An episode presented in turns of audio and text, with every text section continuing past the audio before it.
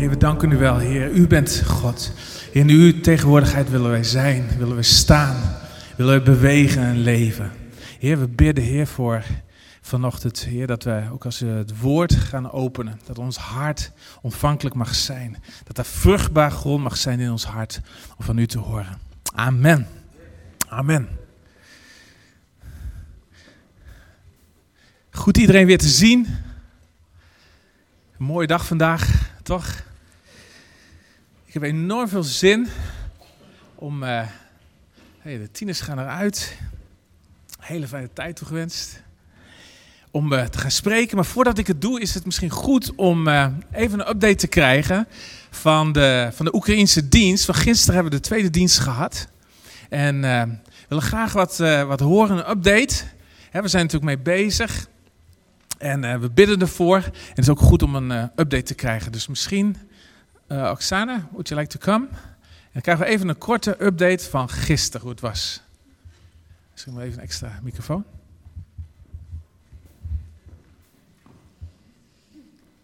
Слава Богу. Пrais God.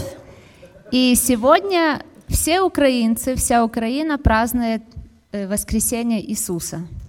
Vandaag viert Oekraïne de opstanding uh, van Christus. Поэтому я хочу сказать, Христос воскрес. Daarom wil ik zeggen, Jezus is opgestaan. Да. И когда Джейкоб был у меня дома, он жил в Украине, в моей квартире. Toen, uh, toen Jacob bij mij thuis was in Oekraïne. Первое, что я попросила своего папу, чтобы он передал наш национальный, наш национальный, ну, одежду нашу национальную. De eerste wat ik aan mijn vader vroeg om mee te geven met Jacob, dat was onze traditionele jurk. Потому что украинцы каждый праздник любят одевать именно нашу национальную одежду. Want de Oekraïners houden ervan als er een feest is dat wij onze traditionele jurken kleding aandoen. И вчера мы имели хорошее служение. Gisteren hebben we een hele bijzondere dienst gehad. Это уже было второе. Dat was al de tweede keer. И хоть нас и немного, но каждый раз кто-то новый приходит. Ook al zijn we niet met niet zoveel mensen, maar elke keer komen steeds nieuwe mensen bij. И вчера, и вчера было э, 8 новых человек. Gisteren waren acht nieuwe mensen. И четыре из них впервые молилась э, молитвой покаяния. En uh, de vier van hun heeft voor het eerst voor bekering gebeten. Да.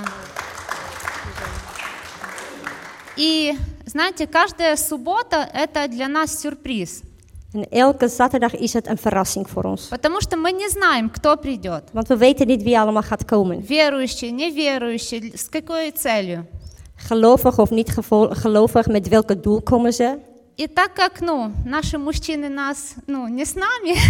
En dat, dat uh, nou niet altijd zijn onze mannen ook met ons. Бывает так, что я вот выхожу на сцену, и вот пока вот с того стульчика дохожу до сцены, у меня есть, ну, несколько секунд, чтобы сказать, Боже, скажи что-то ты, потому что я не знаю, вот, ну, что говорить. Dus uh, ze zegt als uh, de dienst begint en dan ben ik van, het, van die stoel tot hier om te lopen, heb ik maar even een paar seconden. En dan in, dat, in die tijd bied ik tot God. God spreekt tot mij en geeft mij aan wat moet ik zeggen. И Бог говорит. En God spreekt. Потому что есть желание в сердце Want у нас служить. er is een wil in ons hart om te dienen. И я хочу поблагодарить всех вас En ik wil jullie iedereen bedanken за то, что вы открыли свою церковь, dat jullie uh, jullie gebouw, kerk hebben opengesteld voor ons. свои сердца Jullie hart hebben opengesteld voor и ons. помогаете нам En helpen jullie ons знакомить людей также с Иисусом.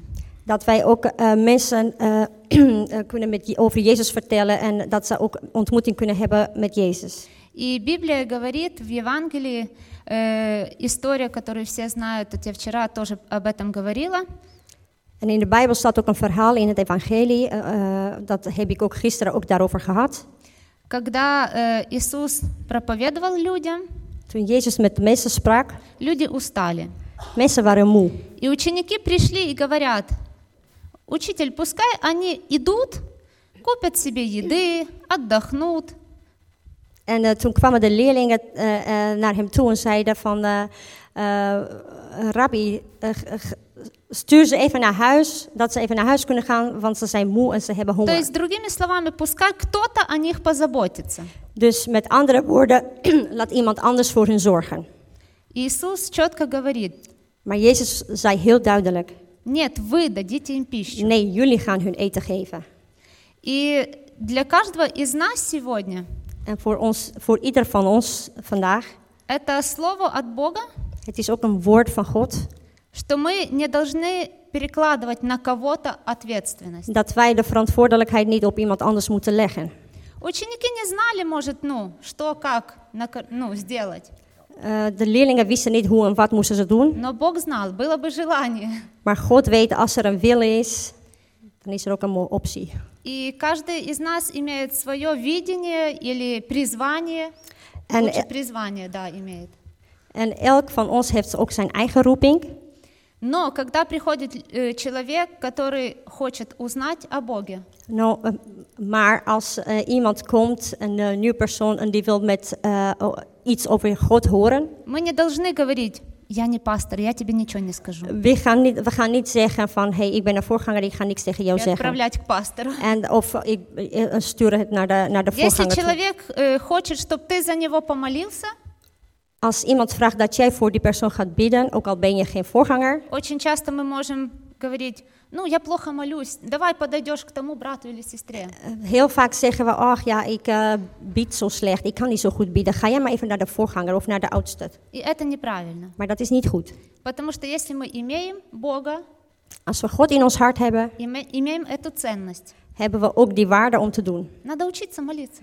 Moeten we leren bieden. Надо учиться говорить людям о Боге. Moeten we leren eh, eh, over И не mensen давать vertellen. кому-то, не перекладывать ответственность. Moeten we, eh, ook, sorry. Moeten we ook tegen mensen vertellen over God. И Wie последнее, God что я is. скажу. En de laatste wat ik wil zeggen. Вчера одна женщина, она голландка, была у нас тоже на служении. Gisteren was in de dienst ook een Nederlandse vrouw. Она подошла и спрашивает меня, Eh, ze kwam naar me toe en vroeg aan mij. ты пастор этой церкви? Ben jij de voorganger van deze kerk? И я стою и говорю, да нет. Ik stond en zei nee, eigenlijk niet. Nee. Ну, а потом думаю, что же сказать? Toen dacht ik, wat moet ik zeggen? Ну, и говорю, ну, если надо, стану. Als het moet, dan moet, doe- word ik. Ну, а что делать? Если некому, так надо Als делать. het, als er niemand eh, die taak kan overnemen voor de Russische dienst, dan kan ik het zelf ook И это doen. не потому, что я или кто-то другой такой молодец. Het is niet zo dat ik ben geweldig of iemand anders is geweldig. Это просто наше сердце хочет служить людям. Het is dat ons hart wil dienen, God dienen. Поэтому моли- молитесь за нас En и bid alsjeblieft voor поддерживайте ons. нас постоянно в этом. En eh, hou ons ook in jullie gedachten en help ons. Аминь. Amen.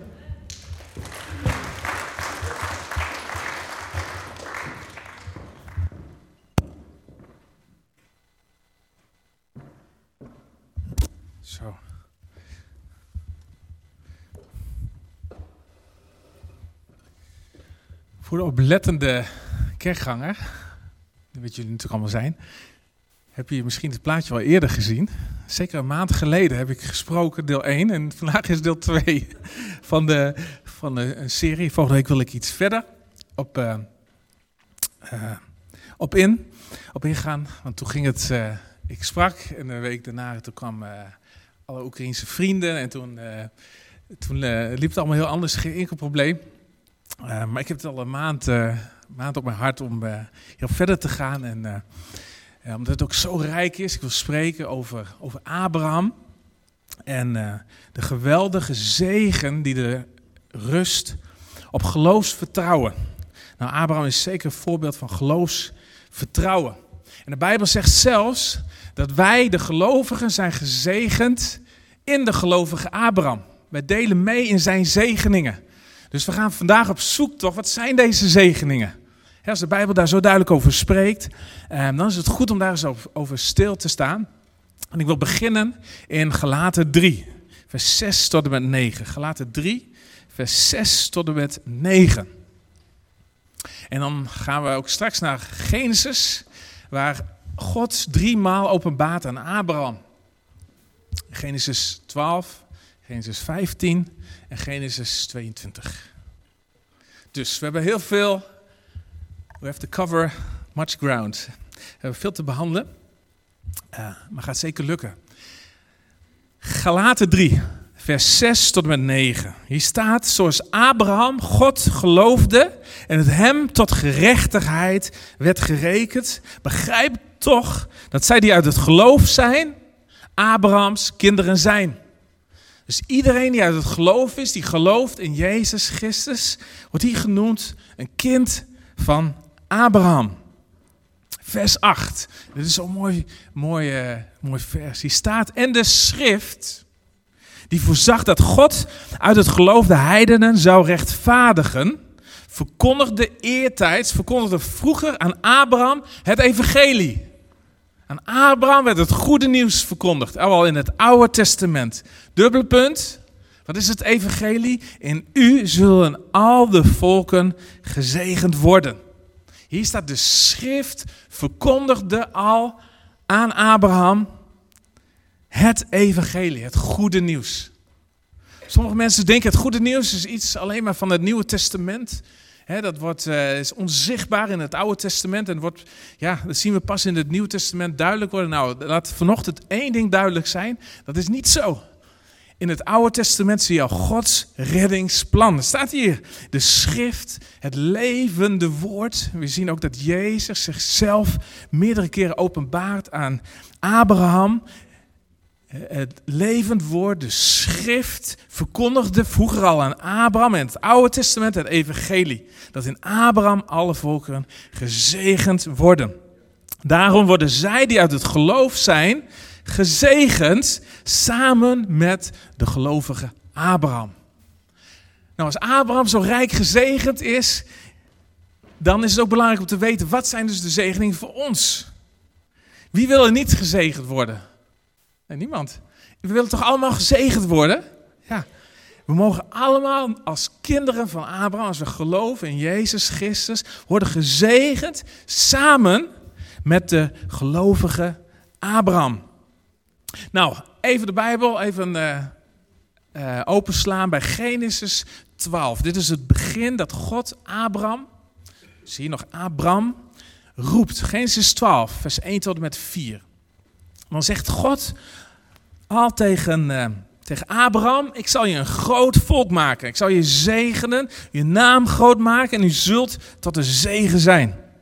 Vers 3. Ik zal zegenen wie u zegenen en wie u vervloekt zal ik vervloeken. En in u zullen alle geslachten van de aardbodem gezegend worden.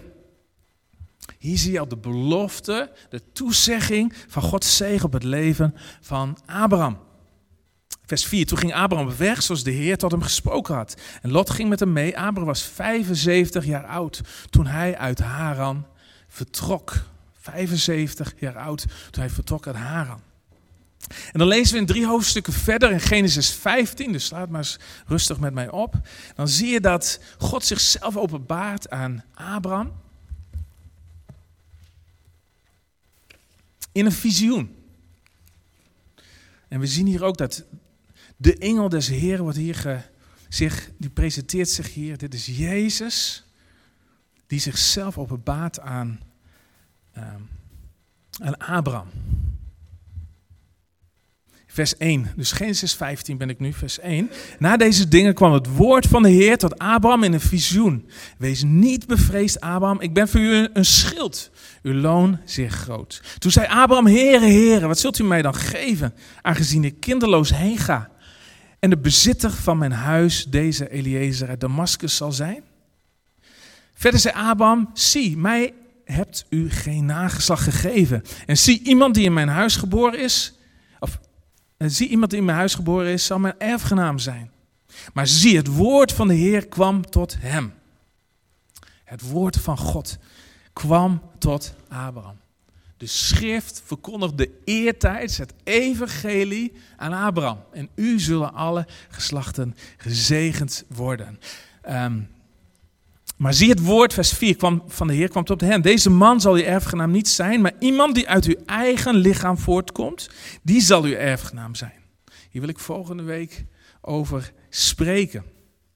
Waarin God zegt, het zaad van Abraham, enkelvoud, zorgt voor deze zegen. Die is uiteindelijk het erfgenaam. En dat is, wat, is, wat wij weten is Jezus Christus. Vers 5. Toen leidde hij hem naar buiten en zei, kijk toch naar de hemel.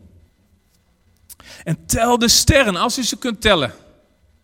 En hij zei tegen hem, zo talrijk zal uw nageslacht zijn. En dit is nu even heel belangrijk, wat hier nu staat. En hij, en Abraham, geloofde in de Heer en die rekende hem dat tot gerechtigheid. Dit is het evangelie verkondigd al aan Abraham in het Oude Testament. God spreekt tot Abraham in een visioen. En hij leidt Abraham naar buiten. Je kunt op een plaatje hier zo zien. er zijn heel veel sterren. Heel veel uh, sterrenlichamen. En, en God, die, die, dit is eigenlijk een, maakt een grapje God hè, met hem. Van ga maar eens, uh, begin maar eens te tellen met het aantal sterren. Als je ze kunt tellen. He, want zo talrijk zal je nageslacht zijn. Ik wil je zegenen, zegt God. God is een goede God, die wil zegenen. Die ons goede dingen wil geven. Amen. God is goed. En zo talrijk zal je nageslacht zijn. En hij geloofde in de Heer, staat hier. En die rekenen hem dat tot, tot gerechtigheid. We lezen, hebben net gelezen, gelaten 3, dat dit de kern was. Dit het evangelie is. Geloven in God. We worden gered uit genade door geloof.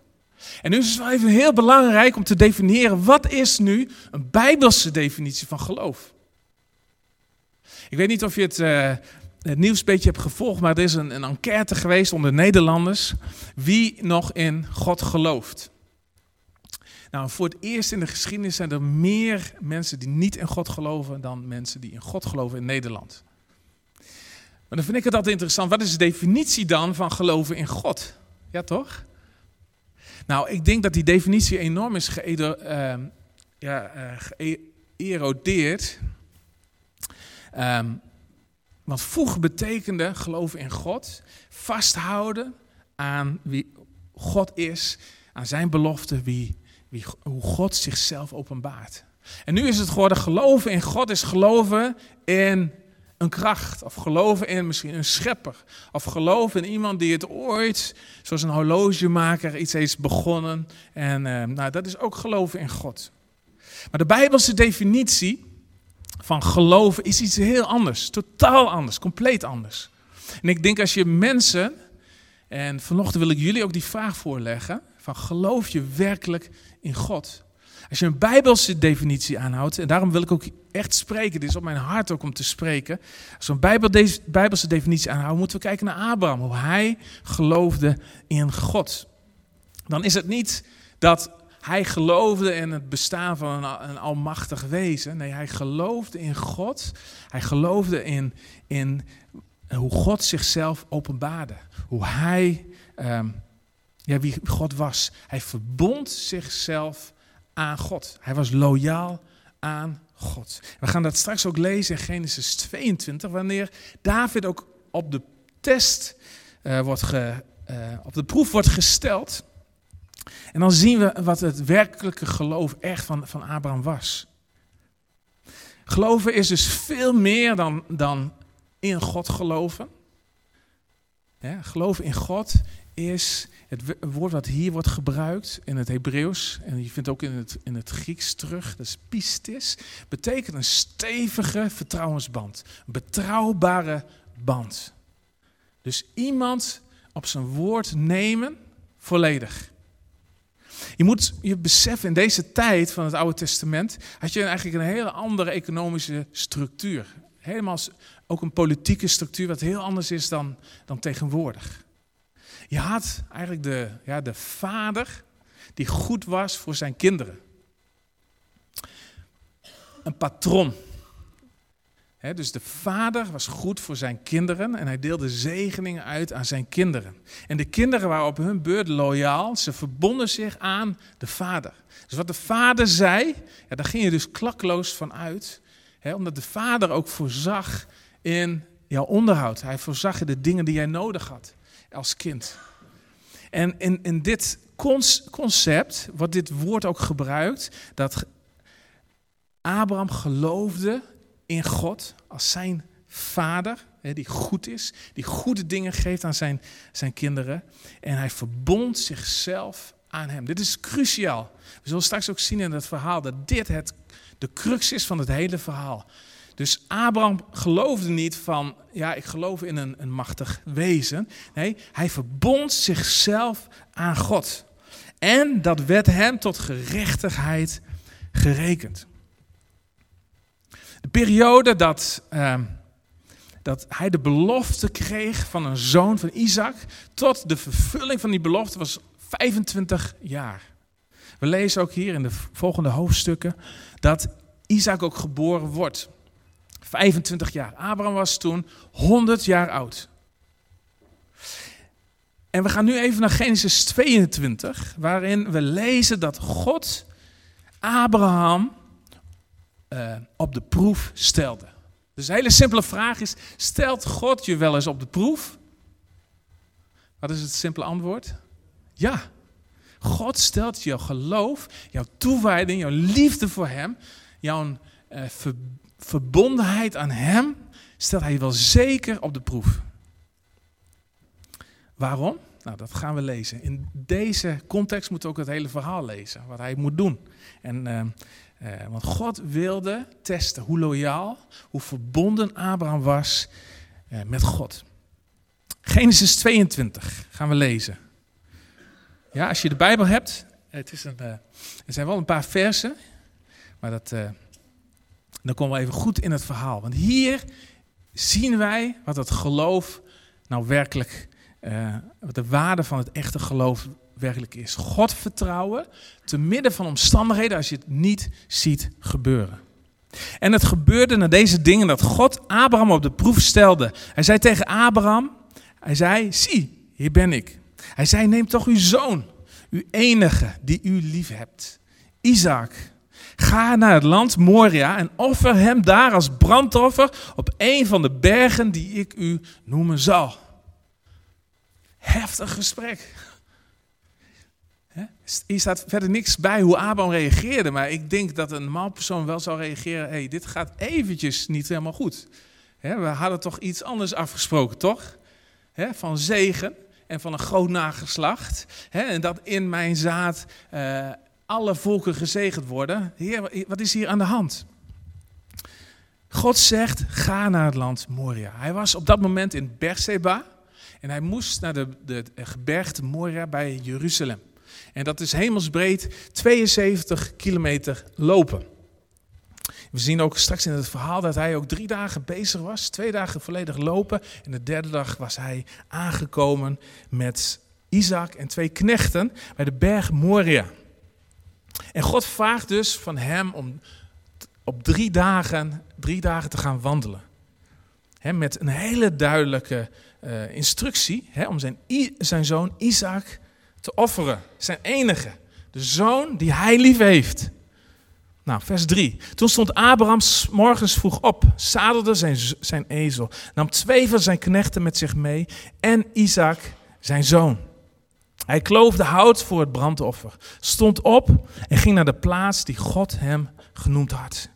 Op de derde dag, dus ze hebben twee dagen gewandeld en op de derde dag tijdens hun wandeling uh, sloeg Abraham zijn ogen op en hij zag die plaats in de verte. Abraham zei tegen zijn knechten: Blijf jullie hier met de ezel. Dan zullen ik en de jongen daarheen gaan. Als, zij, als wij ons neergebogen hebben, zullen wij uh, bij jullie terugkeren.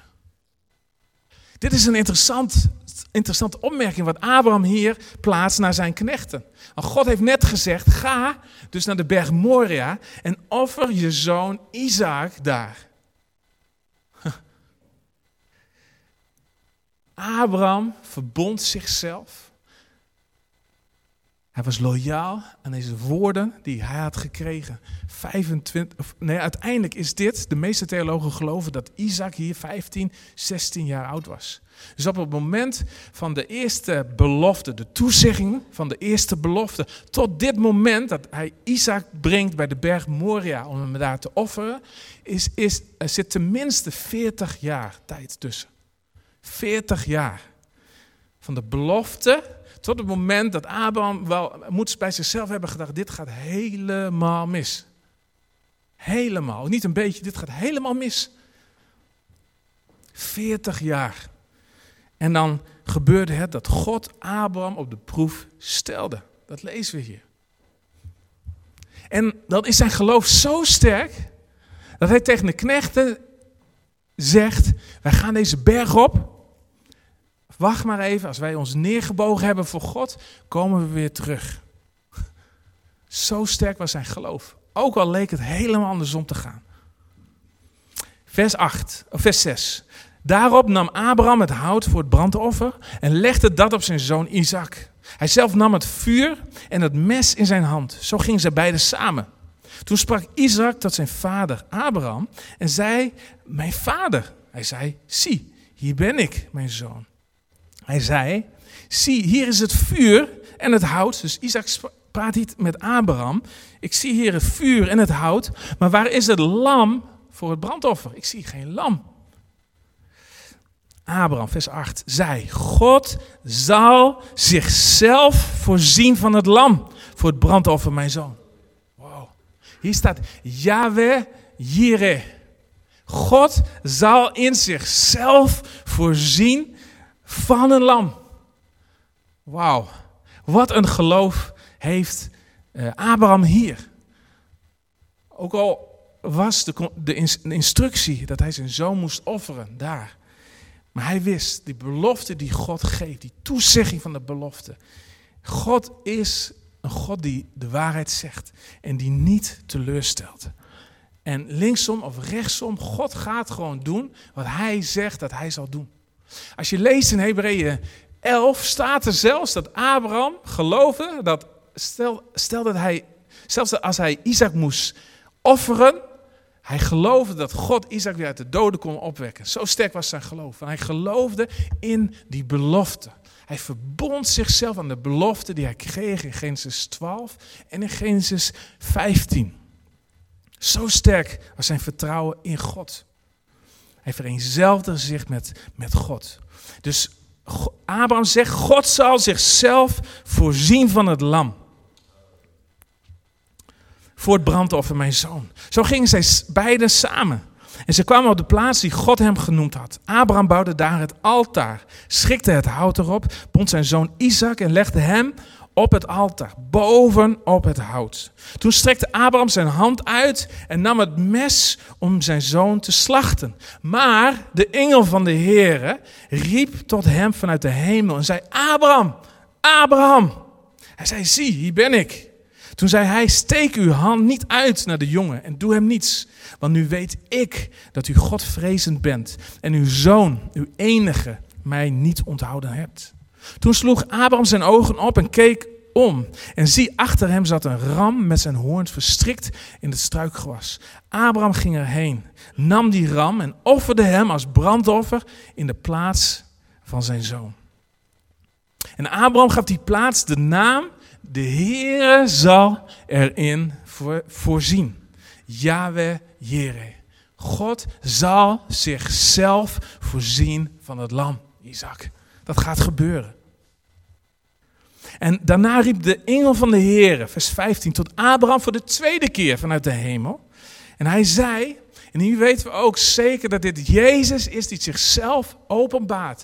Al voor de vleeswording in het Nieuwe Testament zien we hier dat Jezus zichzelf openbaart voor de, uh, voor de tweede maal aan Abraham. En die zegt, uh, ik zweer bij mijzelf, nou een engel kan niet zweren bij zichzelf. En ik zweer bij mezelf, en er staat ook, spreekt de Heer. Nou, wie is de Heer anders dan Jezus, de Zoon van God? Omdat u dit gedaan hebt en mij, uw Zoon, uw enige, niet onthouden hebt. Vers 17, dit is mijn basisvers voor, voor vanochtend. Omdat je dat hebt gedaan, omdat je zoveel vertrouwen hebt gehad in mijn woorden, in mijn beloften. Dat je je hebt verbonden aan mij zal ik u zeker rijk zegenen. En uw nageslacht zeer talrijk maken. Als de sterren aan de hemel en als het zand dat aan de oever van de zee is. Uw nageslacht, letterlijk staat hier, uw zaad, zal de poort van zijn vijanden in bezit nemen. En in uw nageslacht zullen alle volken van de aarde gezegend worden, omdat u mijn stem gehoorzaam geweest bent. En hier is de crux: gehoorzaamheid aan de stem van God, aan zijn belofte. In Genesis 15 lezen dat God zegt: Ik zal je zegenen. Kijk eens naar de sterren aan de hemel. Probeer ze te tellen, zegt God, als u ze kunt tellen. Nou, er zijn dus onnoemelijk veel sterren. Ik ben er geen expert om daarover te hebben, maar uh, onnoemelijk veel. God heeft even zijn grootheid laten zien. Als we kijken naar zijn sterrenhemel. Als we kijken naar de zon en aan de, de maan. En de sterren die wij eigenlijk kunnen zien vanaf de aarde. Wie weet ongeveer hoeveel sterren wij ongeveer kunnen waarnemen. Nu ook met micro, uh, telescopen. Nee, niet microscopen. Mijn vrouw werkt met microscopen. En, uh, nee, telescopen. Uh, hoeveel kunnen wij ongeveer zien? Hoeveel sterren? Probeer maar eens. Dat is iets meer. 6 miljoen? Nou, het is 10 tot de macht 25. Nou, voor de mensen die heel slecht zijn in uh, wiskunde, zoals ik, heb ik het eventjes uitgetypt. Dit is de zegen die Abraham krijgt. Hij zegt, kijk maar eens, zegt God, kijk maar naar de ster aan de hemel. Zo rijk wil ik je zegenen. Ah, wat een mooi beeld is het ook. Als je je alleen voelt of je denkt van, oh God, hoe moet het nu? en ik, en ik, ik heb eigenlijk als enige deze strijd. Nou, kijk maar eens s'avonds naar de, naar de sterrenhemel. En uh, zoveel mensen zijn je eigenlijk voorgegaan of leven nu ook in dezelfde relatie, in dezelfde verwachting van God. We zijn in een grote familie opgenomen. Hè? Echt waar. En het mooie is dat in Genesis 15 wordt aan Abraham deze zegen gegeven. 10 tot de macht 25. Deze zegen wordt aan Abraham gegeven. En hij geloofde in God en het werd hem gerekend tot gerechtig, gerechtigheid. Dit is het evangelie. Ook al zie je nog niet alles. Ook al ben je zelf nog niet eens op de proef gesteld. Als je gelooft in Jezus, in zijn belofte. met de mond beleid je ook tot behoudenis. met je hart geloof je tot gerechtigheid. Als je dat gelooft, dan wordt het je gerekend tot gerechtigheid. Dit is het evangelie. Wat al gepredikt is in, tegen Abraham in het Oude Testament. En die zegen is gigantisch groot. En wij worden als kinderen, gelovigen, worden Abrahams kinderen genoemd. En wij delen mee in de zegen van Abraham hebben we net gelezen in Galaten 3. Maar het mooie wat ik hier uithaal is dat als God ook echt gaat zegenen, nou dan is het ook niet een, een beetje van nou ik geef je iets extra's. Dan is het een gigantisch grote zegen. Groter dan, dan grootst. En, en, en, en, en wel tot vier keer toe zegent God Abraham meer dan deze 10 tot de 25ste macht. Want in Genesis 22 lezen we niet één belofte van zegen, maar vier beloftes van zegen. Omdat hij gehoorzaam geweest is aan God. Laten we eens eventjes die vier zegeningen, die hij niet alleen, zijn niet toezeggingen van zegeningen, zijn zegeningen die hij krijgt. Omdat hij deze weg is gegaan. Omdat hij bereid was Isaac zelfs te offeren. Zelfs toen alles leek mis te gaan, hè, verbond hij zich aan het woord van God. En gehoorzaamde hij nog steeds God. En God zegt, ik ga jou dus, omdat je dat hebt gedaan, zal ik je zeker rijk zegenen. En uw nageslacht zeer talrijk maken. Nou, in het Engels, even Genesis 22 vers 17, in het als het goed is heb ik dit in het Engels, maakt het heel duidelijk wat God hier zegt vanuit het Hebreeuws. Er staat, blessing, I will bless you. And multiplying, I will multiply your descendants as the star of the heaven and as the sand which is on the seashore. Wat hier in het Hebreeuws letterlijk staat, uh, wil zeggen zegenende. Dus ik ben je bezig te zegenen, zal ik je zegenen. En talrijk makende zal ik je talrijk maken, zegt God hier. Zegen op zegen. Zeker een dubbele zegen. We, zien, we zullen straks lezen, zelfs meer zegen dan die dubbele zegen. Dus zegenen zal ik je zegenen. En talrijk makende zal ik je talrijk maken. En hoe talrijk? Zoveel sterren aan de hemel zijn. En nu komt er een extra zegen bij. En zoveel zand er aan de oever van de zee is. Nou, hoeveel zand is aan de oever van de zee, jongens? Hoeveel zandkorrels? Dat hangt er natuurlijk van af. Het is, de wetenschappers onder ons zullen gelijk zeggen, het hangt er van af hoe groot de oever is. Dat is waar. Maar het grappige is, we hebben dat dus onderzocht. Een gemiddelde oever van een zee is ook ongeveer 10 tot de 25ste macht uh, qua zandkorrels. Een gemiddelde oever van een zee. Dus God zegt hier, zoveel sterren aan de hemel zijn, 10 tot de 25ste macht, zoveel wil ik je zegenen. En zoveel zandkorrels zijn aan de oever van de zee, zo wil ik je zegenen. Dus 10 tot de macht 25 en 10 tot de macht 25. Nou, voor de mensen die dit nodig hebben, waaronder ik, zijn het zoveel nulletjes. Dat is je zegen. Omdat je gehoorzaam bent geweest aan mijn, uh, aan mijn woord. En hier stopt het niet eens. En, uh, want God zegt verder, en daar wil ik volgende week graag over spreken. Uh, een derde zegen, in je nageslacht zal de poort van zijn vijanden in bezit hebben. Hier wordt gesproken over Jezus Christus, enkelvoud. Het zaad zal de poort van zijn vijanden in bezit hebben. En door het Jezus offer en de opstanding mogen wij ook de poort van de vijanden in bezit hebben. Ik wil er volgende week graag over spreken. Wat betekent dit? Wat is de geestelijke implicatie van, uh, van wat hier staat? Natuurlijk is dit in de natuurlijke uh, vervuld toen Abraham ook uh, uiteindelijk, of toen het volk ook kwam in het beloofde land. Toen bezaten zij ook de poort van de vijand waar recht werd gesproken, waar markt is, waar, waar dus eigenlijk het centrum van de macht, dat is wat God zegt, dat zal ik je geven. En, vers 18, de vierde zegen, niet meer een belofte, maar gewoon een zegen die God zegt, die zet ik nu vrij over je leven. In je nageslacht zullen alle volken van de aarde gezegend worden. Nou, daar mogen we dankbaar voor zijn, toch?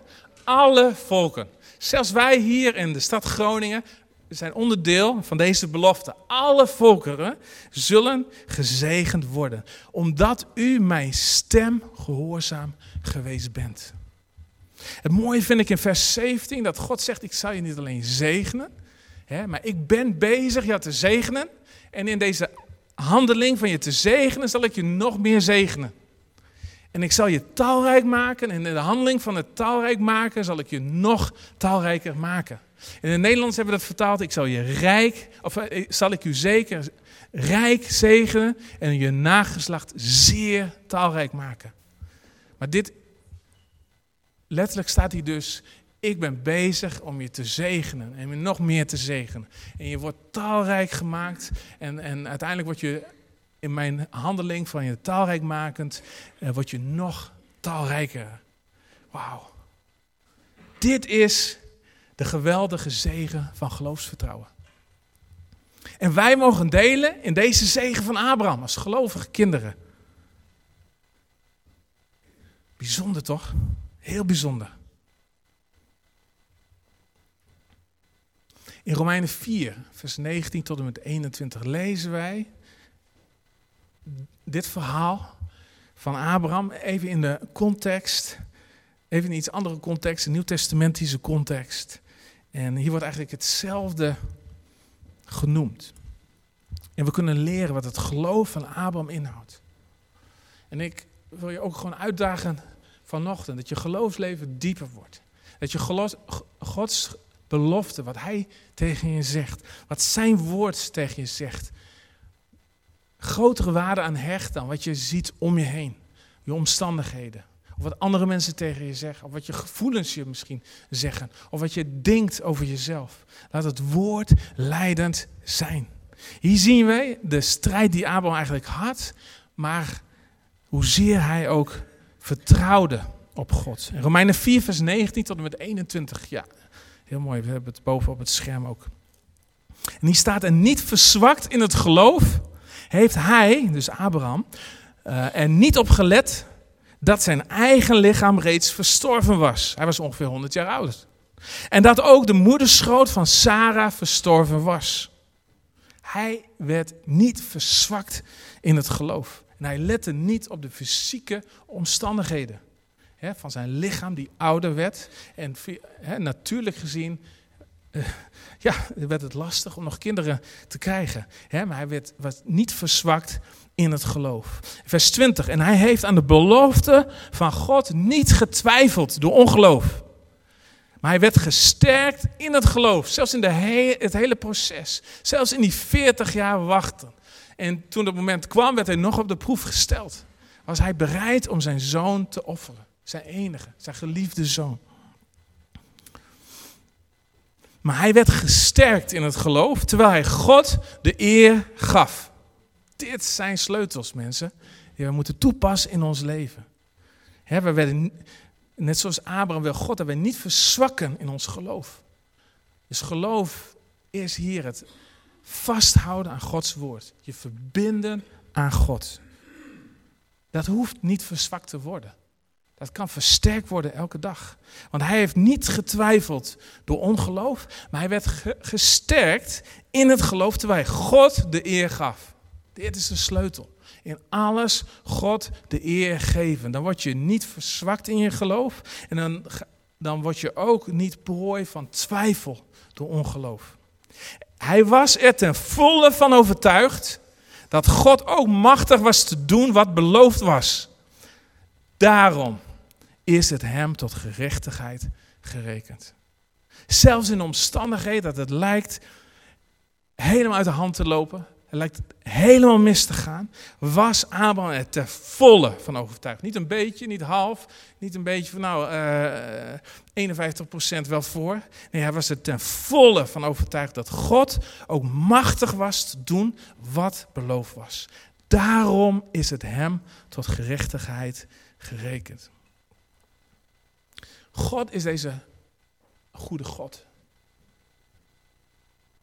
Hij wil je rijkelijk zegenen. Maar de crux zit hier nu vanochtend in.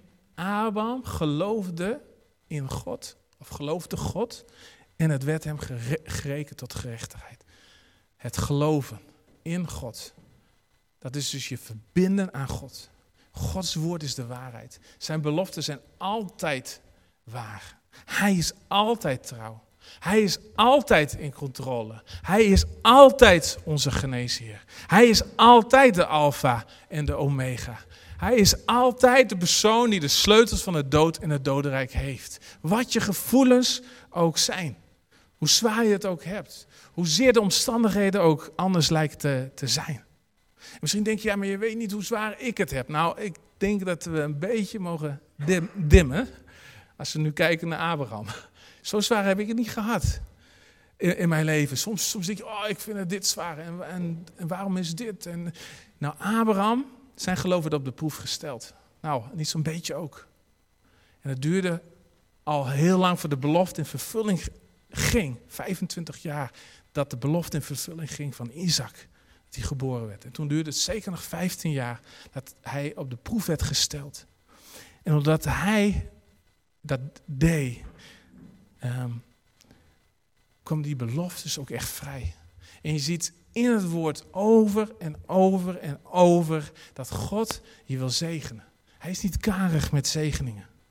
In Lucas 11, vers 13 staat er over bijvoorbeeld de Heilige Geest. Staat er, als je, en jij die slecht bent, als je je kinderen een goede gave weet te geven, hè, dus even in de context, hè, als ouders willen altijd het beste doen voor onze kinderen. Ook al zijn we niet perfect, maar we willen altijd het beste doen. We willen onze kinderen goede gaven geven. Hoeveel te meer zal de Hemelse Vader de Heilige Geest geven aan hem die tot hem bidden? Wij zijn mensen met al onze fouten, al onze beperkingen. Maar we willen als, als ouders eh, het, het goede geven aan onze kinderen. We doen ons best. Met onze tekortkomingen, nogmaals. Maar hoeveel te meer zal de Vader de Heilige Geest geven aan hen die hem daartoe bidden? Dus God, zijn hart is zijn Heilige Geest te geven. Je ziet bijvoorbeeld ook in, het, uh, in de tien leefregels, uh, de tien geboden in Deuteronomium 5, vers 9 en 10. Ik weet niet of we die op het scherm hebben. Maar dan, dan zien wij dus dat God een goede God is. En dat zijn zegen gaat tot in het duizendste geslacht. Laten we eens even lezen wat hier staat.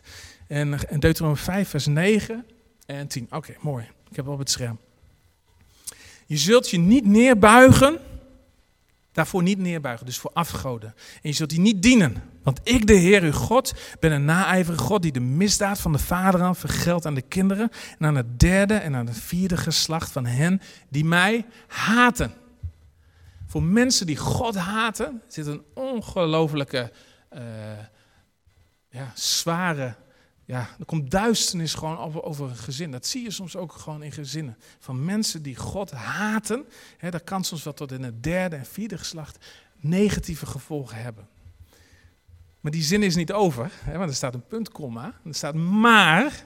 Hè, God doet barmhartigheid aan duizenden van hen die mij liefhebben en mijn geboden in acht nemen. Op dat moment dat jij zegt, God, ik, ik, ik wil u volgen. Neem mijn zonde weg. U wil ik dienen. Dan komt God zegenvrij tot in het duizendste geslacht. Van hen die mij lief hebben en mijn geboden in acht nemen. Dit is het hart van God. En dat zien we ook in, in het leven van Abraham. Maar we moeten een juiste definitie hebben van geloof. Geloof, een bijbelse definitie van geloof, is je verbinden aan God een stevige vertrouwensband hebben met God, dat wat Hij zegt de waarheid is. Zo zal het gaan gebeuren. En als we dat vasthouden, delen we mee in de zegen van Abraham. In hem werden alle volken gezegend. Alle mensen die geloven worden gezegend in de gelovige Abraham. En we mogen weten dat in zijn nageslacht, door de komst van Jezus Christus, de poorten van de vijand ja, we in bezit hebben genomen. En God zegt, ik heb de overheden en machten ontwapend en openbaar tentoongesteld en zo over hen gezegevierd.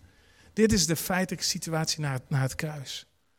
En en de, zoals er uh, sterren zijn aan de hemel, zo rijk is Gods zegen. En, plus, hoeveel zandkorrels er zijn aan de oever van de zee, zo rijk wil ik je zegenen. Dat is een God die wij dienen. En we zien Gods hart hier keer en keer weer terug in de Bijbel. En wij mogen delen in de zegen van Abraham. Weet je, als je geloof op de test wordt gesteld, op de proef wordt gesteld, denk eens even terug aan dit verhaal. Hou vast, hou vol en, en, en blijf staan op de beloften van God. Weet je, het geloven is een, het accepteren van Gods woord als waarheid.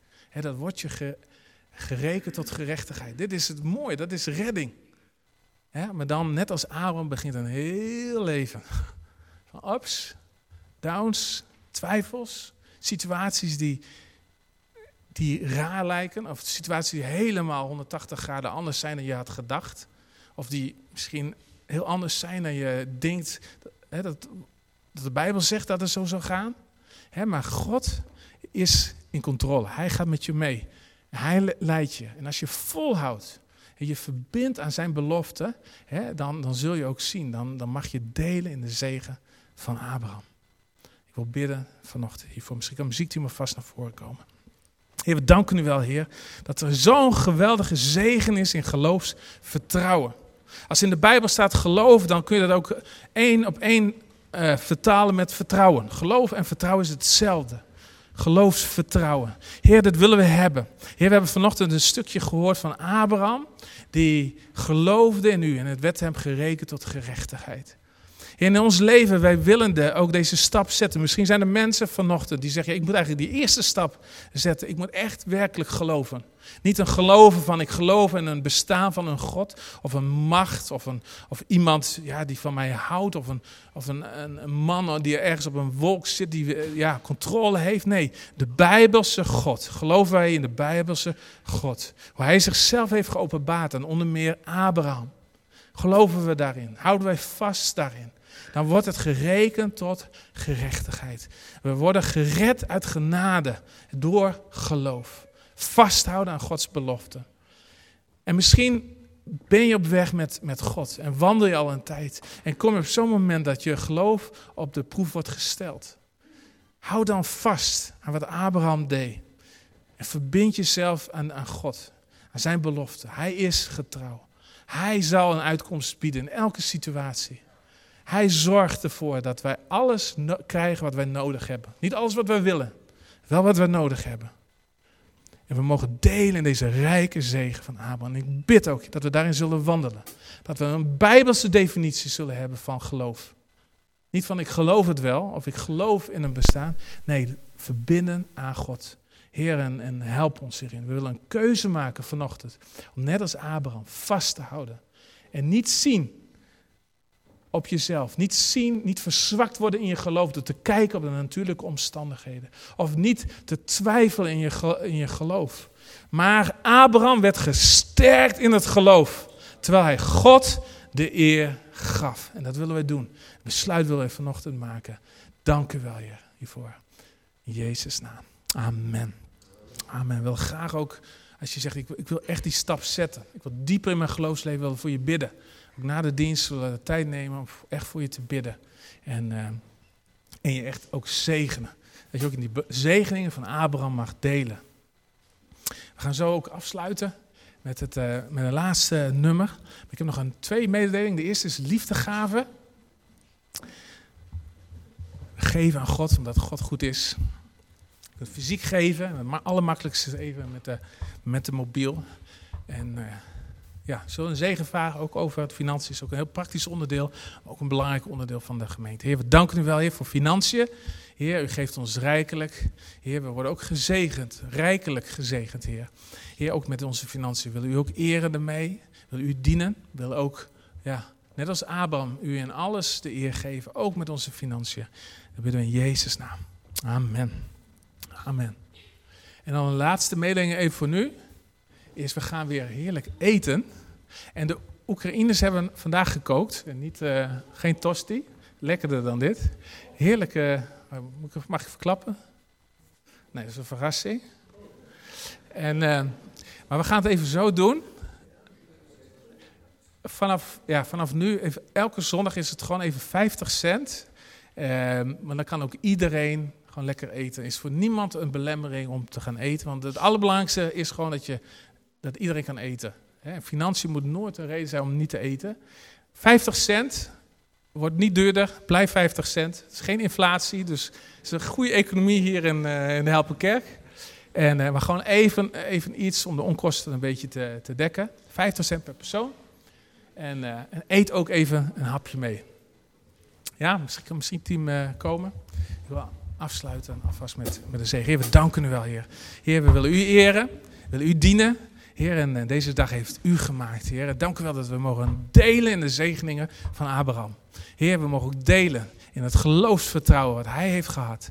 En voor ons leven willen we dezelfde keuze uh, maken. We zijn kinderen van Abraham, voor hen die geloven. En wij willen geloven in uw beloften. Uw beloften zijn altijd ja en altijd amen.